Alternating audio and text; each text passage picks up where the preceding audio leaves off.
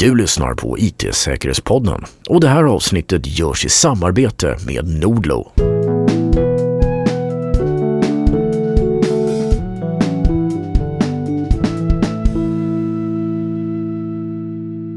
Maria Duva är kriminologen som blev författare och föreläsare med oerhört stort engagemang. Barn och ungas liv på nätet står i centrum i hennes skrivna ord och det som sägs på scenen. Ja, i år släpptes Marias senaste bok, Värsta bästa svårsnacket. Och det är en uppföljare till hennes succéserie om just ungas digitala värld. Så hur mår egentligen våra unga? Och hur ser deras uppkopplade värld ut? Vad är riskerna? Och hur ska man som förälder prata med sina barn? Ja, det och mycket annat tänkte vi prata om i dagens avsnitt av IT-säkerhetspodden, där jag, Mattias Jadesköld och Erik Salitis har med oss Maria Duva i detta avsnitt. Mm. Välkommen! Ja, men tack! Hej! Så, stämmer presentationen? Ja, det tycker jag väl. Ja, ja, faktiskt. Det är det jag gör där. Jag föreläser och skriver böcker på heltid.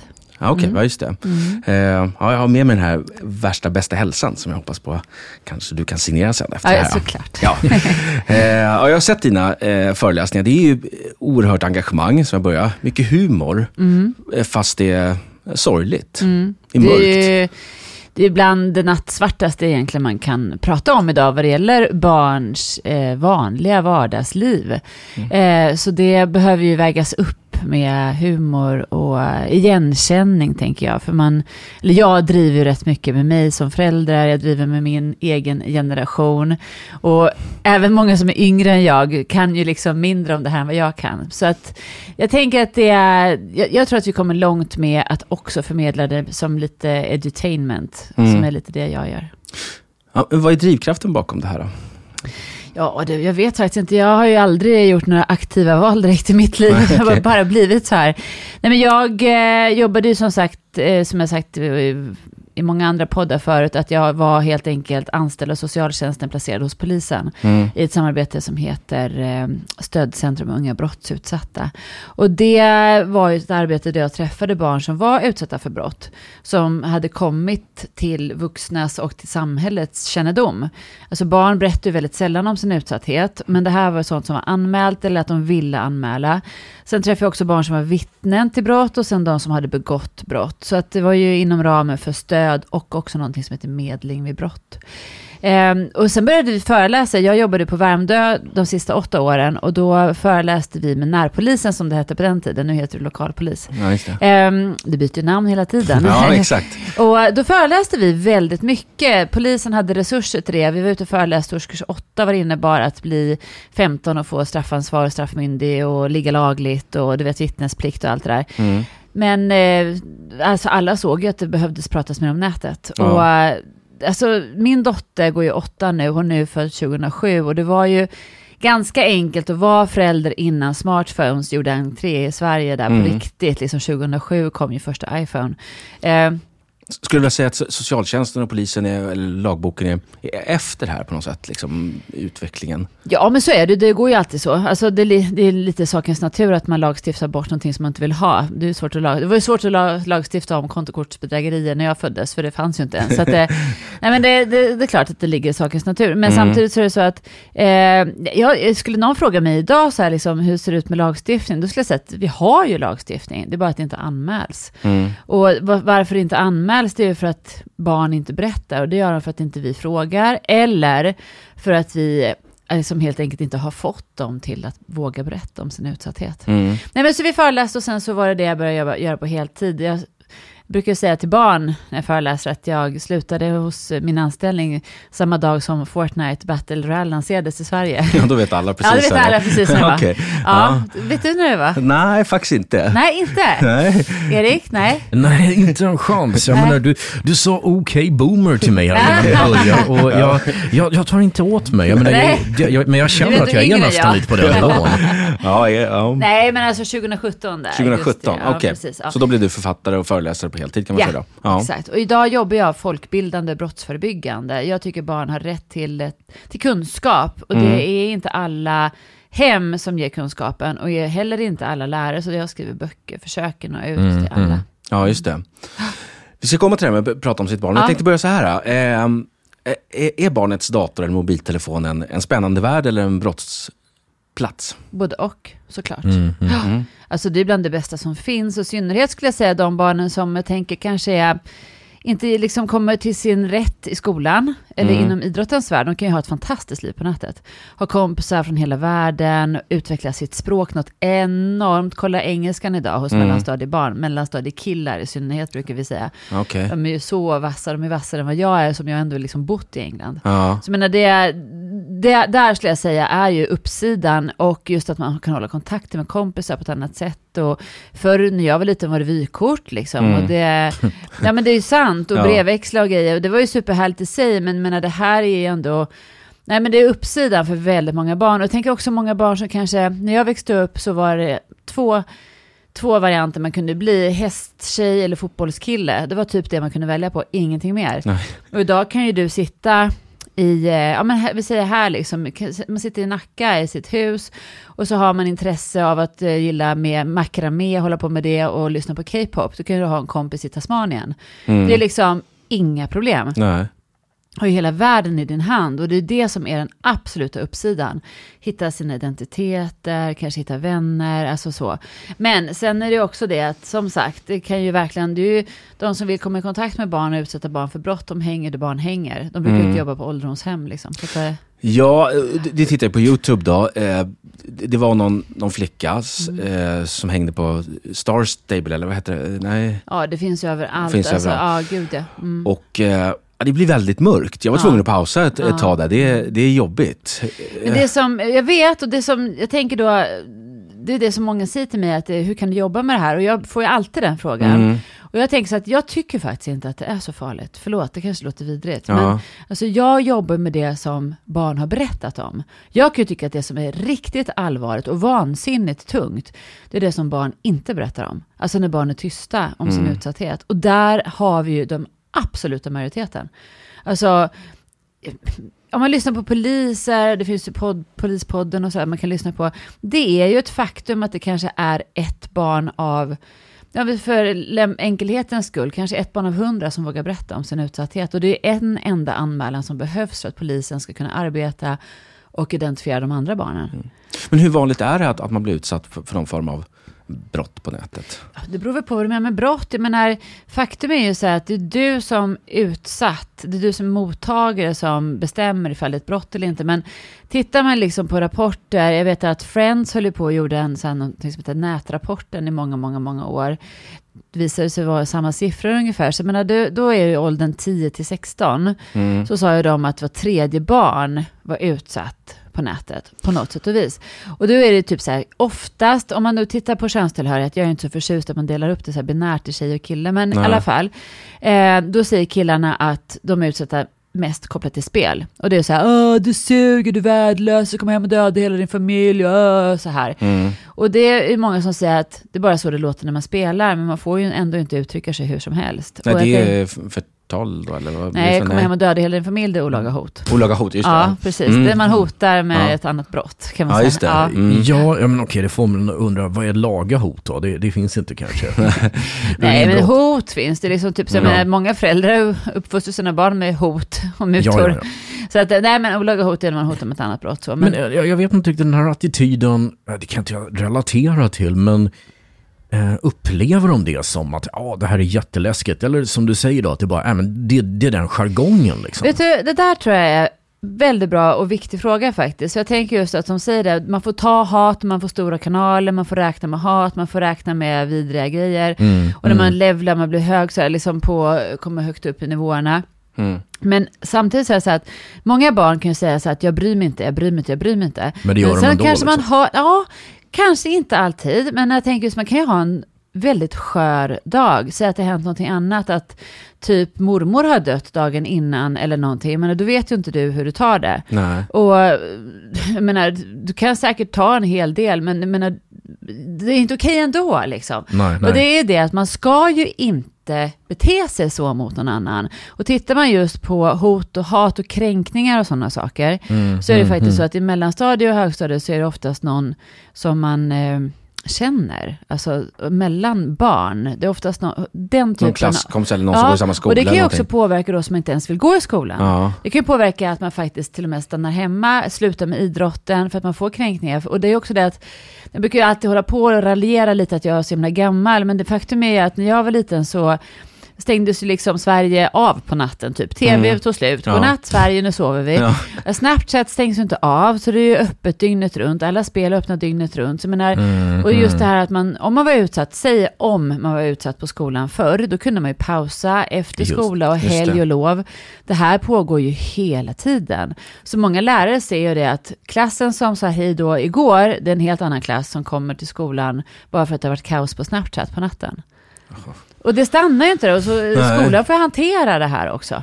Ja, just det. Gör, gör de det då? Vi började lite innan. Jag lever ju i idén att på något sätt att det här klassiska mobbingen som jag själv upplevde i skolan, liksom, Mm. eh, att det har blivit bättre, att lärare är bättre på att agera där.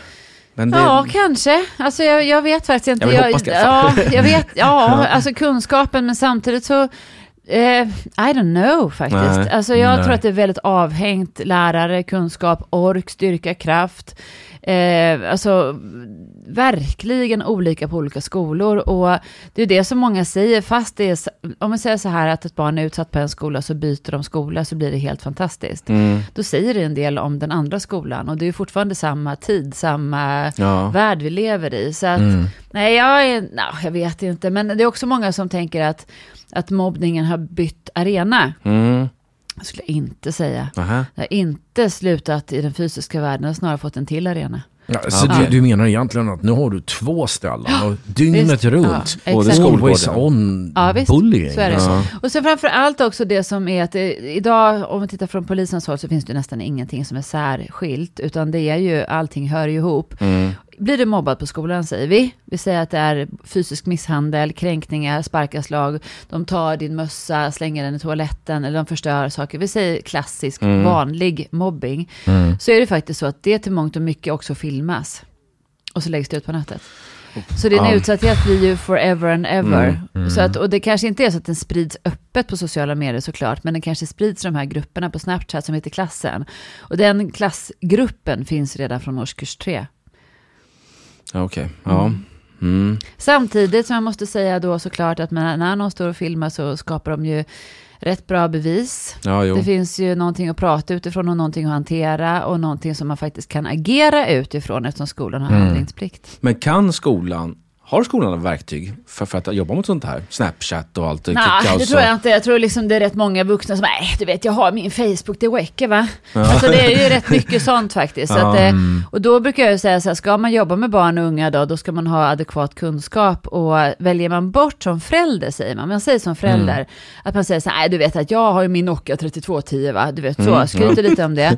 Då brukar jag säga att då är man aktivt ointresserad av sina barn. Ja. Och jag blir ju inte bästis med vuxna när jag säger det. Nej. De tycker inte om mig. Nej, men jag kan ju tycka, men när, alltså jag, jag brukar jämföra med mig själv och min son. Han spelar ju fotboll och han är rätt bra.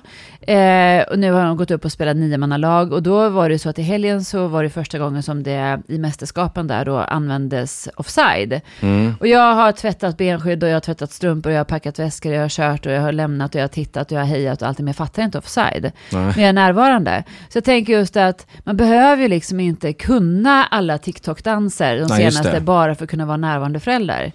Man kan ju vara där ändå och det här är ju en del av barns uppväxt idag. Man kan inte, man kan inte bortse från det, även fast man inte själv gillar det. Nej, just det. Ja, för jag har sett ibland på en föreläsning att att du lägger upp en bild på alla bilder på alla olika Ja. typer av appar. Ja. Och, och att det blir aktuell, inaktuell nästan efter en dag ungefär. Liksom. Och sen så Så man behöver inte kunna också. allt det där. Ja. Nej, så Nej. är det ju. Men sen finns det alltid en här topplista och den har ju varit i Sverige rätt länge nu. Det är liksom Insta, Snapchat och TikTok som är stort i Sverige. Ja. Facebook är ju inte så många barn som använder ifall det inte är typ så här bara för att man är med i någon idrottsförening eller någonting som sköter okej. kommunikationen Mm. där. Men, eh, nej, men annars är det de tre. Men däremot så är det så att, men när, jag vet inte när du började, nej just det, ni använder inte Instagram. Nej, vi, gör, Det var vi, vi, ska ha en, vi ska ha en för i- i- Ja. IT6-podden i Nej, alla fall. Vi, vi, vi har en, men det vill säga att den har vi bara för att kunna göra reklam och då lägger man ut där också. IT-säkerhetspodden liksom, och inte har Instagram. Ja, jag vet. Ja, ja. okej. Ja, det, det blir lite hemläxa. Ja. Ja, Nej, men jag tänker ju så här att eh, det har också förändrats väldigt mycket. När, när Instagram kom så kunde man posta en bild och skriva 80 tecken. Mm. Idag kan du köra live, du kan dela stories, du kan, alltså jag har ju det som ett arbetsverktyg. Mm. Och jag menar, jag tycker att det är faktiskt rätt bra, måste jag säga, för mig som 48-årig kvinna att ha som arbetsverktyg. Men tittar man på studier då, det vill säga den här rapporten som läckte från Facebook, eh, som nådde Wall Street Journal först, så visade det sig ju att var tredje ung användare inte mår så bra utav sin Instagram. Och lämpligt nog så stängde de ner Facebook, Insta och WhatsApp samma kväll som den här rapporten nådde världen. Ja, just så att det. inte rapporten skulle delas. Nej, där, du, Ja, det, det tror jag i och för sig inte. Då, men, Ja, men i alla fall jag, eh, nu när vi ändå är på det, det, här är inte bara ungdomar, men, men det tycker jag är väldigt bra som du har sagt det här att när man, när man är på sociala medier så du jämför ditt inre med andras yttre. ja, Det är hur? väldigt skrämmande. Men det är ju säkert där som låg, bakom de siffrorna. ja. Alltså att det är ju faktiskt så. Och sen så, alltså det är ju så intressant det här. Jag har ju en, en väninna som är med i den här boken, den orangea boken, eh, Sissela Nutley. Och hon menar ju på att, eh, alltså faktum är så här att när man gör så här brain scans, typ när man forskar på riktigt, och så talar man om för en människa att den här bilden är manipulerad. Den här bilden är redigerad, det är filter och det är där, där, där, allt det här. Det är, vi säger att man har smalnat av, man har photoshopat, man har gjort om hela kroppen, ansiktet, håret, allt det här. Ändå, fast man vet det, kognitivt vet det, så hamnar ändå liksom, där det brinner på i hjärnan så är det jämförelsecentrat. så vi ja. kan, även fast vi vet att det där är inte på riktigt, så jämför vi oss med det. Men det är väl också det att de delarna av hjärnan som förstår saker på ett kognitivt Mm. plan är väldigt moderna i utvecklingen och de delar som är känslor, Mm, skräck, även saker som avundsjuka och allting. De är väldigt gamla, de är Primära. primitiva. Och, då, och även om du vet saker som du har blivit sagt till verbalt så betyder det ingenting för de lägre delarna. Liksom. Mm. Exakt så. Det är helt, det är helt sant. Och sen också så är det så att eh, om jag då är jag, då är jag en person mitt inre. Mitt flöde kanske är 500, ungefär likadana, happy, lyckade personer som har varit och käkat, fikat, lagt upp lite bilder hur de umgås och hänger underbart, la la la. Fötter mot stranden. Ja, jo, men framförallt är att alla umgås. För mina status idag är att man har ett häng, ett socialt häng. Att man har många vänner, man har ett härligt liv. Vuxna, jag menar, alla kan ju faktiskt resa. Alla kan ju liksom, i, i Sverige i princip idag, typ komma iväg på någon slags resa någonstans någon gång. Eh, men att ha ett häng och ha kompisar, det här med ensamheten, det är bland det tyngsta som många vuxna Ja, kan erkänna ja, för sig själva, att jag är ensam. Och jämför man då med 500 i sitt flöde som allihopa är asglada, fantastiska, hur mår man då? Som skit. Ja. För, förlåt men säger det så då, men Ja. jag, jag tänker också det att jag tror ju att ensamhet i verkligheten en helt annan sak än ensamhet på nätet. Jag menar om du bara fick välja att ha vänner på nätet men inga riktiga vänner eller bara riktiga vänner och inga på nätet. Det valet skulle för mig vara väldigt enkelt. Det där, jag tror inte riktigt att det är lika enkelt, för, för det är för att vi är gamla då. Jo, jo, jo. ja, jag tänker just på det här pandemitiden som har varit, så är det rätt många barn som har haft eh, ökad närvaro i skolan just för att de hade haft digital undervisning. Så alla barn, alla ungdomar idag eh, kommer ju liksom inte alltid till sin rätt i eh, den fysiska miljön. Jag tror många också har sina närmsta vänner typ på nätet. Men det är en annan konsekvens av det, att man inte får typ fysisk rörelse, att man Mm, liksom mm, får mm. någon som, typ beröring och sådana Nej, saker. nej. Så Mm. man behöver ju man behöver också ha det här som vi sitter och gör nu, så här nickar och filmar ja, det. varandra. exakt, men det är Ja. det. För det. Det finns så mycket svagheter. Vi har gjort väldigt mycket intervjuer via, via nätet nu på grund av co- covid och corona. Och det här, det är överlägset. Ja, visst är det Mm, så. ja, det blir så. Det, jag, kan, jag kan bara för en jättekort sidebar. Jag och Mattias satt i varsin soffa när vi började inspelningarna. Nu sitter vi på ungefär på så här sättet. Vi har kontorsbord och grejer i vår normala studio. Och det är mycket, mycket lättare att driva på. Samtalen blir Ja, bättre. precis. Fast det där är intressant ändå. Jag, jag fortsätter lite på det, för att nu under den här tiden som varit corona så har jag ju filmat mina föreläsningar. Ja. Så jag har ju liksom stått rakt upp och ner och pratat rakt in i en kamera. Det har, kräver ju sin energi, Mm, måste jag säga, för att man ska klara Ja. av det.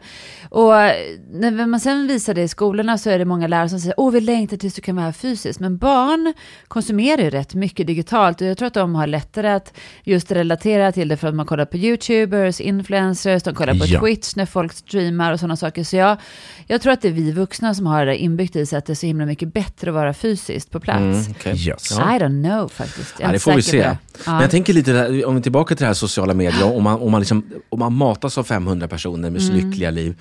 Har, har det funnits något, någon jämförelse liksom tidigare innan sociala medier? Eller är det här något, är det liksom ett nytt fenomen? Vi har alltid kanske jämfört oss, men Jo, det tror jag absolut. Jag menar, eh, alltså människan är ju en social konstruktion så, och vi har ju levt på skvaller och rykten, för det har liksom hållit på, jag menar, när jag var liten så fanns det alla dessa skvallertidningar, så det är ju inget nytt behov. ja, just det. Men Nej, det, nej, är, men- det är bara att det mättas kanske lite snabbare. Men eh, intrycken, jag vet inte. Jag tror, att, jag tror att olika människor sorterade på olika sätt. Men Ja. alltså man kan, jag brukar ju säga så här, jag, brukar, jag är väldigt så här pedagogisk har jag kommit på när jag föreläser för barn.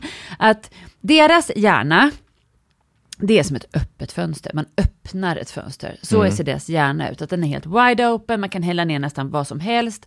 Sätt en gitarr i händerna på dem och de kan liksom börja spela ganska snabbt. Flytta ett barn till Japan. De kommer Mm. lära sig prata japanska ganska snabbt jämfört med mig då. För min hjärna är ju som att man stänger det där fönstret. Jag är 48 år, jag kan knappt lära mig nya saker. Jag är, min hjärna är asseg i förhållande till barns. Så är det bara.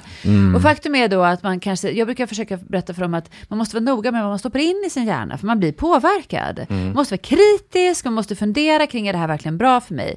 Så jag brukar säga till barn så här, ifall det är någonting ni ska göra, montera dit ett myggnät i ert vidöppna fönster. Så att ni liksom inte släpper in allt. Ja, Och fundera kring ert flöde, för just flödet på sociala medier, det är ju belagt i studier att, att de som mår bäst, barn på nätet som mår bäst, är de som har lagom mycket skärmtid, de som har balans i livet Ja, men det gäller väl allt? Ja, precis. så? Men Ja. balans med sömn och rörelse, social interaktion, lalalala, allt det här. Ja. Eh, men sen är det så här att jag tänker alla har ju inte riktigt det va. Men om man då tittar på de som inte mår så bra, de som har alldeles för mycket skärmtid. Men de som mår bäst av de som mår bäst. Det är alltså de som Ja, faktiskt har Mm. interaktion. Spelar och kör med voice samtidigt. Eller kanske Mm. streamar och liksom har interaktion med de som tittar på en. Lite kreativt använda. Exakt. Ja, ja, ja, du skapar någonting. även om det kanske men du har interaktionen, du har det här kontakten med andra människor. Så att passivt sitta och scrolla, Ja, det är det är bland det värsta man kan göra faktiskt. En tanke är ju att han, psykologen Jordan Peterson Mm. sa ju det här med att växa upp är att offra. Eh, när man var barn, då kunde man ju bli vad som helst. Astronaut, polis, sjukskötare, wha- whatever. Mm. Ja. Eh, men sen valde man någonting och då stängde man kanske det där fönstret lite grann. Eh, och det, så det, det, är väl en, det, det är vad jag tänker på när du säger det där. Ja. Ja. Och det, ja, sen är det väl det att när man kommer upp i vår ålder, Mattias är väl några år yngre här då, då, då blir man lite långsammare. Mm. Det är ju så. Herregud, ja, absolut. Och varje generation som, eller i alla fall tills nu har man väl sagt, eller att varje ny generation blir smartare än den förra. Ja, det är flyneffekten, men den är knäckt. Jag vet, jag tror att den är tills nu, tror jag. Mm, Ja. men nu blir folk inte smartare. Varför? Det får man fråga någon annan. Jag är inte tillräckligt smart för det. Ja. Ja. Okej, nu hoppar vi vidare. Eh, Ja. Hur ska man prata med sitt barn har vi varit lite inne på. Då. Ja. Nu är förälder och det är ju lätt kanske här att man jobbar med förbud. Ja. Men eh, gör dem förberedda. Liksom. Ja, nej men så här, så generellt så det finns ju ingen så här quick fix så. Och det kan ju bli så stelt, för jag vet att rätt många liksom säger att jag ska ha sagt någon gång att eh, man ska fråga sitt barn, hur har det varit på nätet idag? Men jag tycker Ja. det är sjukt stelt, jag tycker det är jättestelt att säga den frågan. Så Ja. att, nej, jag landar väl inte där, utan snarare att man alltså, kanske... du, du har ändrat det lite där alltså? Jag tror inte ens att jag har sagt det där någon gång faktiskt, jag vet inte. jag känner igen det. känner Ja, citat. men nå- någon, ja, den har använts För, jättemycket. för, för att jag liksom så här, Alltså, jag vet inte ifall jag har Vad har jag sagt ätit det. lunch idag? Hur Ja. har du varit på idrotten? Har Ja, men så nätet? kan man göra. Och Ja, precis. Ja, men Ja. så kan man göra. Och, men alltså, inte just här stel, hur var det på nätet, för det blir lite för abstrakt, men jag menar, eh, vi pratar ju med våra barn om i princip allting, jag menar, från det att man träffar dem så är det ju verkligen de här tre klassiska frågorna, hur var det i skolan, fick ni till lunch, fick du med dig handduken hem? Eller någonting sånt. Ja. Och sen är det slut. Men jag menar ju på att, eh, jag brukar ju, idag så behöver vi, vi har ingen lång startsträcka, men vi brukar ju, i vår familj har vi gjort så, vi har ju en 14-åring och en 12-åring, och så har vi en grupp på Instagram där vi delar liksom roliga konton eller memes, vi delar viktiga grejer. Ja. Jag tänker att det är liksom, ett levande samtal då. Och det är liksom inte så långt för mina barn. Men om man ska ta, alltså långt att berätta vad som har hänt. Men om man ska ta, och ska börja från början då, om vi säger så. Ja. vi har ett barn som inte har ett liv på nätet, men nu, sen nu ska de ha det. Om vi börjar liksom från scratch. Då tycker jag, om vi då ska välja typ TikTok, för det brukar vara det första, då skulle jag gå in i själva telefonen under inställningar. Alltså vi pratar iPhone nu och det är det kan hantera bäst. Ehm, och sen är ju Sverige ett iPhone-land, men det finns ju andra telefoner också Ja. såklart. Men om vi säger då så att man går in på iPhone under inställningar och går in på skärmtid, så kan ju du redan där filtrera så att det visar content som är för barn, Ja. barnanpassat. Det är en bra grej såklart. Ja. Men sen är det så att många barn kan ju lära sig avinstallera där också, innan föräldrarna ens har lärt sig installera det. Så det är inte självklart, det är inte bara det man ska ägna sig åt. Det är inte teknik liksom. Nej. men sen så är det så att man ska skaffa sig ett konto hellre än att vara på TikTok som gäst. För har du skaffat dig ett konto från början, då kan du också bestämma vad du ska mötas av i TikTok. Det går man in liksom under de här tre prickarna eller de här tre strecken som är uppe till höger där på kontot, så kan man filtrera och grejer. Man kan göra rätt mycket. För att de här bolagen bakom de här sociala medierna och spelen, de försöker, försöker i möjligaste mån göra det till en säker upplevelse. Men eh, sen är det så att man ska prata med sina barn om att det, det, det finns faktiskt de som kommer bete sig illa på nätet. Det finns de som kommer skriva taskiga saker. Du kommer läsa hos andra i deras kommentarsfält att folk har skrivit taskiga saker. Du kommer se att de inte likar fast du tycker att du skulle ha likes på det här. Ja. Du, kommer, alltså du kommer vara med om det här.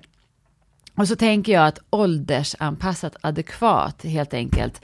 Men att man är där och har de här samtalen hela tiden. För ditt barn, hur gammalt är ditt äldsta barn? Ja, sju. Ja, ja. och då tänker jag sjuåring, då, då är det så här. Då tjatar du lite nu, så har du packat väskan till skolan Mm. imorgon? Har du lagt fram idrottskläderna? Har du gjort det? Har du med dig läxboken? Har du med dig läsboken? Mm. Och sen så tjatar du också lite om att hon ska borsta tänderna. Har du borstat tänderna? Tvätta händerna, fäll ner toalettlocket. Ja. Och sen så, nu är det dags att gå och lägga sig, nu är det dags att gå upp. Du är närvarande och säger samma saker varenda dag, eller hur? Mm. Ja. Och ändå är det väldigt många föräldrar som har det här nätsnacket en gång. Och så tror de att det ska räcka. ja, just det. Det är helt otroligt. Och så om man bara tar parallellen till att simma. Alltså om vi tar parallellen, för simma är ju livsfarligt. Om man, alltså vara i vatten är ju livsfarligt om man inte Ja, kan simma. det. Ja. Mm. Så man vill ju gärna att ens barn ska kunna simma. Och då man är med på simskolan och man är med åldersadekvat hela tiden. Man kan börja gå på simskolan med bebisen en vecka typ, Ja, för man just känner det. för det. Ja. Eh, plask eller vad det heter. Och sen så är man med hela tiden och sen så lär sig barnet simma, men ändå är man med. Mm. Och man lär, man lär barnet att dyka, ändå är man med. Och barnet kanske eventuellt får åka till stranden själv när de är typ 12, ish, någonstans där. Eh, och där kanske man ändå har ont i magen för att barnet är vid stranden, eller hur? Mm. Och då tänker jag att man ändå varit med i 12 års tid i vatten. Och sen så är det ju ingen garanti att bara för att man en gång i tiden har lärt sig simma så kan man ju drunkna. Vilka är det som drunknar oftast i Sverige? Ja, det är 55-åriga män som har kunnat simma ett helt liv. Ja. Och de drunknar. Och varför drunknar de då? Ja, för det är kanske för att de är på fyllan. Och för att de var inte det. har... Vad sa? Det var ju just det som var de huvudproblemet. kanske är på fyllan och de kanske inte har flytväst. Okej, Nej. vad ska vi säga att flytväst och vara på fyllan är jämfört med nätet då, med barns liv på nätet? Ja, flytvästen det är att de inte helt enkelt har antingen rätt inställningar eller ett säkerhetstänk. Mm. Så de har inte fått det. Och vad är fyllan då? Ja, fyllan i det här fallet kan ju vara då att barn uttråkade, känner sig ensamma, de kanske har jättemånga timmar vid en skärm. De kanske har bekräftelsebehov och vem har inte det? Eller hur? Mm. Ja. Så jag menar omdömet, om vi snackar fylla som omdöme och vi snackar omdöme i barns liv på nätet så är det kanske det att man, "Ja, men jag addar honom då, det är nog en snäll person. Han är kompis med någon annan som jag känner, där, där, där. och han har jättehög level, han kan spela med mig. Och han sa att jag skulle bli giftad lite V-bucks eller Robux eller skins eller diamanter eller bli VIP eller få Jaha. en häst. Där sitter de i fällan. Ja. Mm. Ja, eh, Ja, precis. Så prata med sina barn löpande hela tiden tycker jag Men är varför, det bästa. varför är det så få som gör det? För du sa att det var en av hundra barn som nästan pratar överhuvudtaget med sina föräldrar om det här. Nej. Liksom. Nej. En av hundra barn som berättar om sin utsatthet. Ja, just Och det det. kan vara ännu värre Mm. faktiskt för många barn skulle jag säga som Eh, om vi då säger att man har en förälder som är så här super, för jag har ju många föräldrar som skriver till mig som säger, men jag fattar inte hur det här kunde ske. Vi har varit på din föreläsning, du har varit på skolan och föreläst, jag har alla dina böcker, jag pratar med mitt barn hela tiden och ändå händer det. Mm. Men det är liksom som menar, man har pratat med barn om att de inte ska röka, att de inte ska dricka alkohol, de ska aldrig cykla utan hjälm och de ska inte snatta. Alltså det händer ju grejer trots att vi vuxna har sagt att det inte ska hända. Ja. Såklart. Och då kan det vara ännu värre nästan för ett sånt barn som borde veta bättre att berätta om sin utsatthet. Men äh, jo då, föräldrar tar det här snacket och jag säger det, om vi tittar på Eh, justitiekanslern gick ju ut och berättade just om eh, hur alltså antalet anmälningar vad det gäller sexualbrott mot barn på nätet har ökat. Och jag vill tro, jag kommer kunna ta gift på, nej då, men Ja. nästan till. Ja. Faktiskt att jag tror att det beror på att fler barn vågar berätta om sin utsatthet och fler vuxna vet vad det handlar om och fler anmäler brott.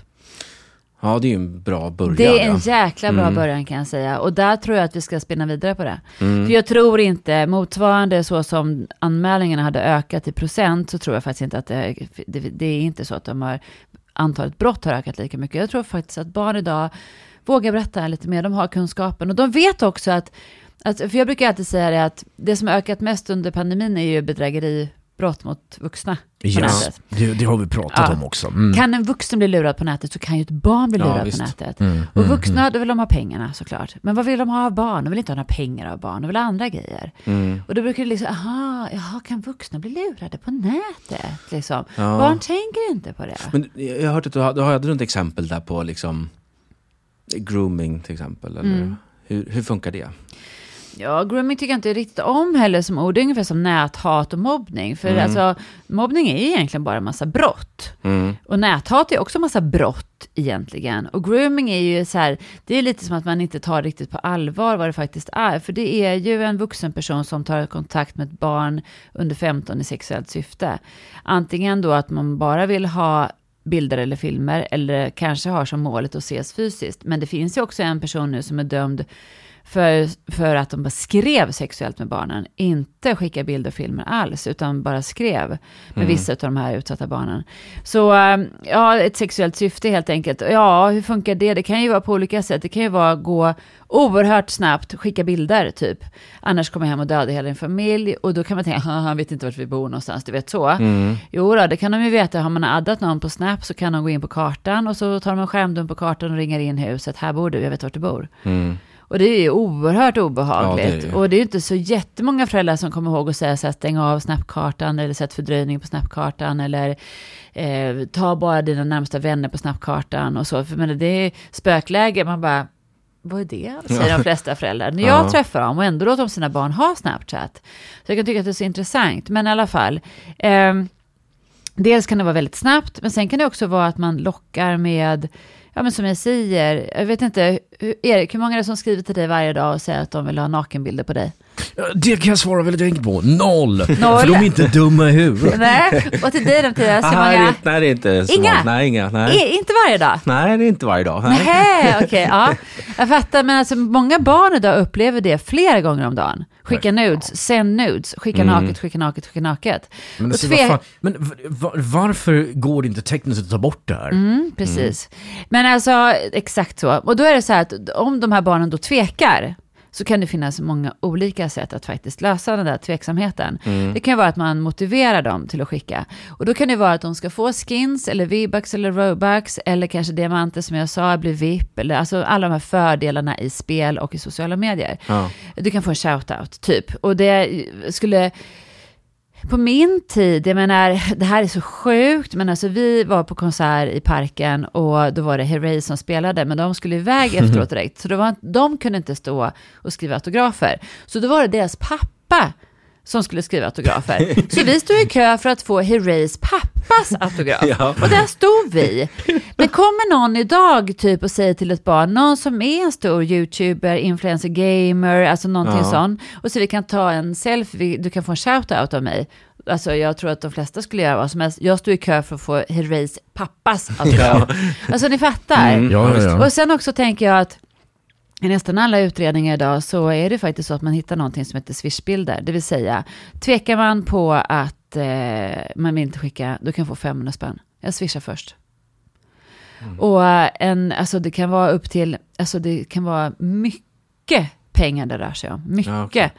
Alltså jag vet en flicka här från innerstan vars kurator hon kom fram och visade till och med hur någon hade skrivit du kan få 10 000 ifall du filmar dig själv med ansikte och helkropp och underlivet. Där alltså, ifall du filmar hela din kropp och tittar in i kameran, då kan du få 10 000. Och då tänker man så här, men alltså hur idiotiska är de, de här idioterna? Alltså på riktigt använda Swish, hur dum i huvudet får man bli? Ja, det är ju Ja, då är det så- till då- personen. Jo, Ja, men ifall det är ett av hundra barn som berättar, Ja, just det. Ja, då okej. är det en risk de tar kan jag säga. För det är Mm. inget spaningsbrott på så sätt att polisen sitter och spanar på alla Swish-överföringar. Nej. Och jag tänker också, jag menar, skulle jag gå in och fråga varenda förälder jag känner, hur ofta är du inne och kollar på ditt barns konto? Alltså, Mm. min, min dotter swishar rätt mycket fram och tillbaka med kompisar. De fikar och köper någon dricka till varandra och någon macka i stallet och sådär. Mm. Jag menar, jag vet inte ifall jag skulle reagera på någonting som är kanske, ja 300 spänn kanske jag skulle reagera på, men inte kanske 200 spänn, det tror jag Nej. inte. Men är det här kopplat på något sätt till det här belöningen, eller vad säger belöningssystemet som, som på internet på något sätt? Liksom, att man, att man, eller bekräftelse menar jag. Liksom, Ja, det, ja absolut. Ja. Vet du, det är en bra Mm. fråga. Faktiskt jätteviktigt. För att Alltså, menar- alltså du menar bekräftelsebehov hos en Ja. person? Ja. Ja, ja. Mm. Ja, verkligen. Och då tänker jag så här att eh, jag jobbar ju med en tjej som jag fortfarande har kontakt med och hon eh, var ju illa utsatt när hon var typ tio år ungefär och den förövaren dömdes till fängelse för de brotten som han utsatte henne för och alla andra barn. Eh, idag när hon inte mår bra så är det det första verktyget hon tar till, det är att skicka nudes på sig själv till någon som efterfrågar det på Snapchat. Som skriver just, kan du skicka naket, skicka naket. Och då gör hon det. När hon mår dåligt, då fyller hon på med bekräftelsebehovet med snälla ord. Du är så fin, du är så fin, du är så fin, typ så. Så det blir som ett självskadebeteende snarare. Men alltså jag kan säga att bekräftelse mot självskadebeteende, jag vet inte, de tangerar nog varandra rätt nära för vissa individer. Mm. Jag tänker på många föräldrar som är så här supersugna på bekräftelse. Ja, jo. Om du ska få bekräftelse, vad lägger du upp för bild då? Oj. Vilken är en riktig like-raket hos dig ja, Mattias? nej, men det är väl kanske när man har liksom mystid med barnen och sådana Ja. saker och sånt. Liksom. Då får du mycket likes. Ja, det blir det ju. Det- Ja. Jag, jag bara vill tänka så här, de bilder du lägger upp för mycket likes, det är väl den bild av dig själv du vill förmedla liksom? Ja. Nej, ja det kan ju vara ifall du är ute och tränar och springer och så här superduktig. Mm. Men det är, det är inte alltid att det är en like-raket faktiskt. Faktiskt inte. Folk kan bli irriterade när någon är ute och springer fyra mil före frukost. Mm. Det Jo, jo, men det, det, ja, okej, jag Ja. förstår. Så du, egentligen så handlar det inte om att visa upp dig själv på bästa sätt, utan du funderar på vad vill andra ha som kommer att ge mycket likes? Det, Exakt. det, är det, enda, det är det enda överridande. Ja, ska jag berätta vilken som är en like-raket när, när jag frågar barn? Vilka, vilka, vilken bild hos dina föräldrar är det som får flest likes? Vad tror, de, vad tror du att de svarar? Nej, det vet jag inte. Det är en bild på dem, på barnet såklart. Ja, just det. Mm. Och vilken bild på barnet ger flest likes? Och det är en bild på barnet som typ ligger och sover på soffan eller sin säng. Mm. Ligger och sover, har alltså inte samtyckt till bilden, att den tas eller postas. Och så skriver föräldrarna så här. Lilla älsklingen, 40 graders feber, kräkits hela natten och äntligen har han somnat på soffan. Mm. Hashtag vabba, hashtag vobba. Ja. Det är många likes. ja, just det. Och då kan man tänka sig så här, tänk ifall barnet hade postat den bilden på sina föräldrar. Ja du, jo du Pappa kräkits hela natten, ligger här högblank med 40 graders feber. Va? Ja, stackars pappa. Ja, exakt. Ja. Ja. Nej, men det är intressant att det- vi det- på deras ja. bekostnad Ja, det fyller på vår Mm. egen bekräftelse. Men, men här, här är en fråga, för jag, jag tycker Ja. la, det, som intresserar mig i, i mycket av det här, det är ju lagen. Mm. Vad säger lagen? Tänk om, om så här, du, du, det läggs ut en bild och så växer den här personen upp och Mm. så säger de, nej jag är inte okej med det, jag ska stämma mina föräldrar. Det, pågår ju, det har ju pågått många sådana rättsprocesser över världen såklart. Och det släpptes Mm. faktiskt en rapport nu här från Statens medieråd bara för en vecka sedan. Det är Ja. intressant om det just handlar om sharenting. För att eh, Frankrike har reglerat det i lag att YouTube, eller här influencers, ifall de tar med sitt barn i det här influencerarbetet, Mm. typ, då, eh, då är det reglerat i lag nu att det är faktiskt fem års fängelse som påföljd. Man får inte Hej. göra det längre. Mm. Jösses! Ja. Oj. Och här i Sverige finns det rätt många stora personer som också faktiskt har fått en riktigt bra kickstart i sin karriär genom att streama sin egen förlossning på YouTube. Så menar, det, det finns ju väldigt mycket bilder på barn som barn inte har samtyckt till. Jag tror att vi har en reglering där i lag snart. Ja. Eh, vi har lag redan på det. Det finns redan lagrum, olaga integritetsintrång.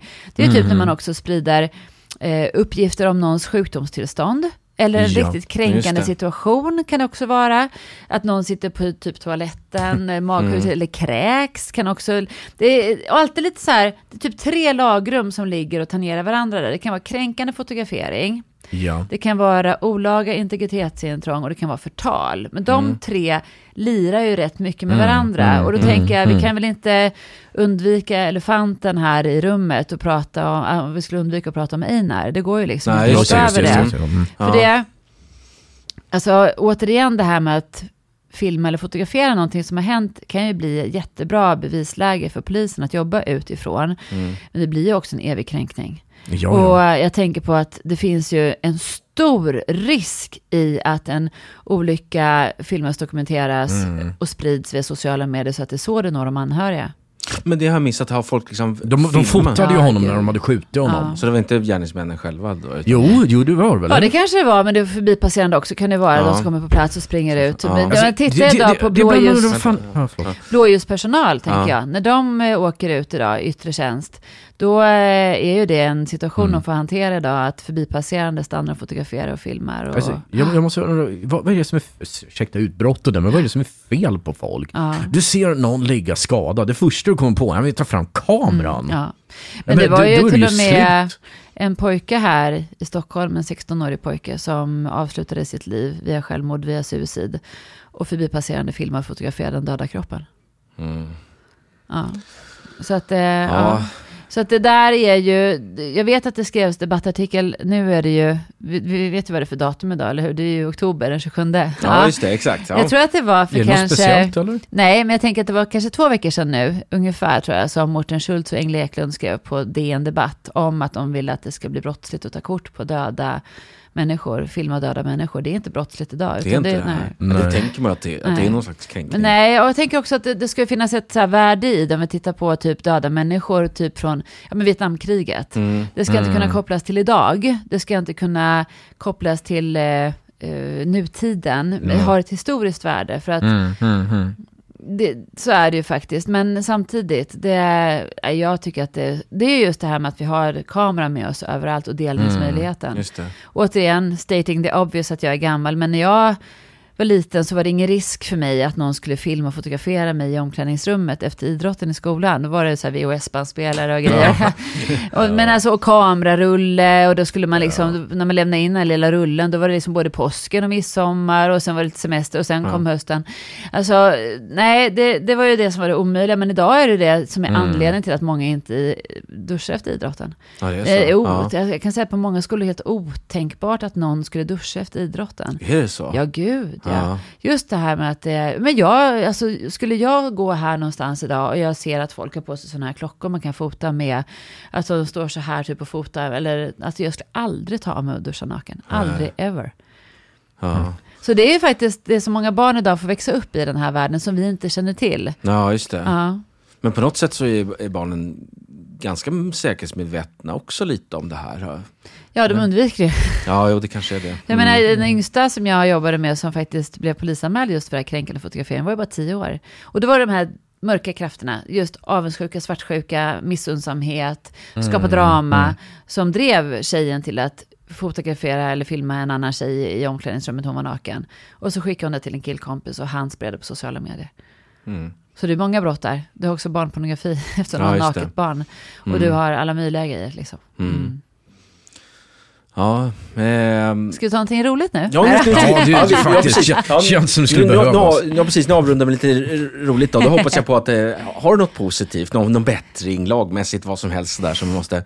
Ja, så lagmässigt tror jag inte, utan det är snarare bara att man anmäler mer och att polisen får bättre resurser. Framför allt mer och bättre resurser och högre kunskap. Att det ska bli lättare också att utreda de här brotten, för servrarna Mm, ligger ju mm, inte mm. placerade i Sverige. Eh, Det som är enkelt är ju, har alltid varit liksom ifall det är svenskt företag. Alltså allting var ju mycket enklare på Minecraft när det fortfarande var svenskt. Eh, alltså, och Skype när det var svenskt. Det var mycket, mycket, mycket enklare. Och det var ju oerhört bra arbete mellan polisen och Star Stable när det här stora ärendet utreddes där. Så menar, det, men det är ju när det kommer just till de här andra servrarna placerade typ i Kanada. Snapchat Mm. är ju kanadensiskt. Ja, okej, ja. Så att eh, det, där är det problem. Och framför allt det här med att man inte hinner spara på det. Så lite kunskap i det fallet, det är ju att... Nu får du sätta dig på prov då Mattias, säger Ja, vi. mm. Vi säger så här att det här är din barns skärm nu, säger vi. Mm. Och du vill spara på det här. Hur gör du då ifall det är på Snapchat? Eh, Snapchat har jag aldrig provat. Nej, Åh, du har så mycket att lära nu. Ja. Ja. Vi säger att det är en grupp på Snapchat, ditt barn visar dig, kolla Mm. vad de skriver om mig. Ja. Ja, och du får titta på det här och du bara, Åh, men gud, det här måste du ta tag i, du vill agera och du vill kunna prata utifrån det. Vad gör du då? Ja, då kan man göra skärmdump då. Mm, och då lämnar du digitalt spår efter dig. Då får alla andra i den här gruppen veta att du har skärmdumpat. Ja, Det är det som alla föräldrar gör, alltså fel. men vänta, ta, en skärmdump är ju en bit av mobiltelefonen. Ja, men det är alltså att du tar foto på det som visas Ja, precis Jag, jag, vet, jag Ja. vet. Ja. Men hur kan det lämna ett avtryck? Ja, och då får alla andra meddela den gruppen att du har skärmdumpat, du har screenat, att, eller också kan du spara ner det. Det är inte så bra, för du kanske är liksom... ta fram sin gamla Rolleiflex liksom och hålla Ja, över. Exakt, faktiskt. Exakt. Så gärna sitta med två telefoner. Alltså att du har din egen telefon och barnets telefon. Att du filmar av också. för Vissa grejer dyker upp så snabbt. Så det bästa är såklart att du sitter redo och filmar det som ditt barn ska visa.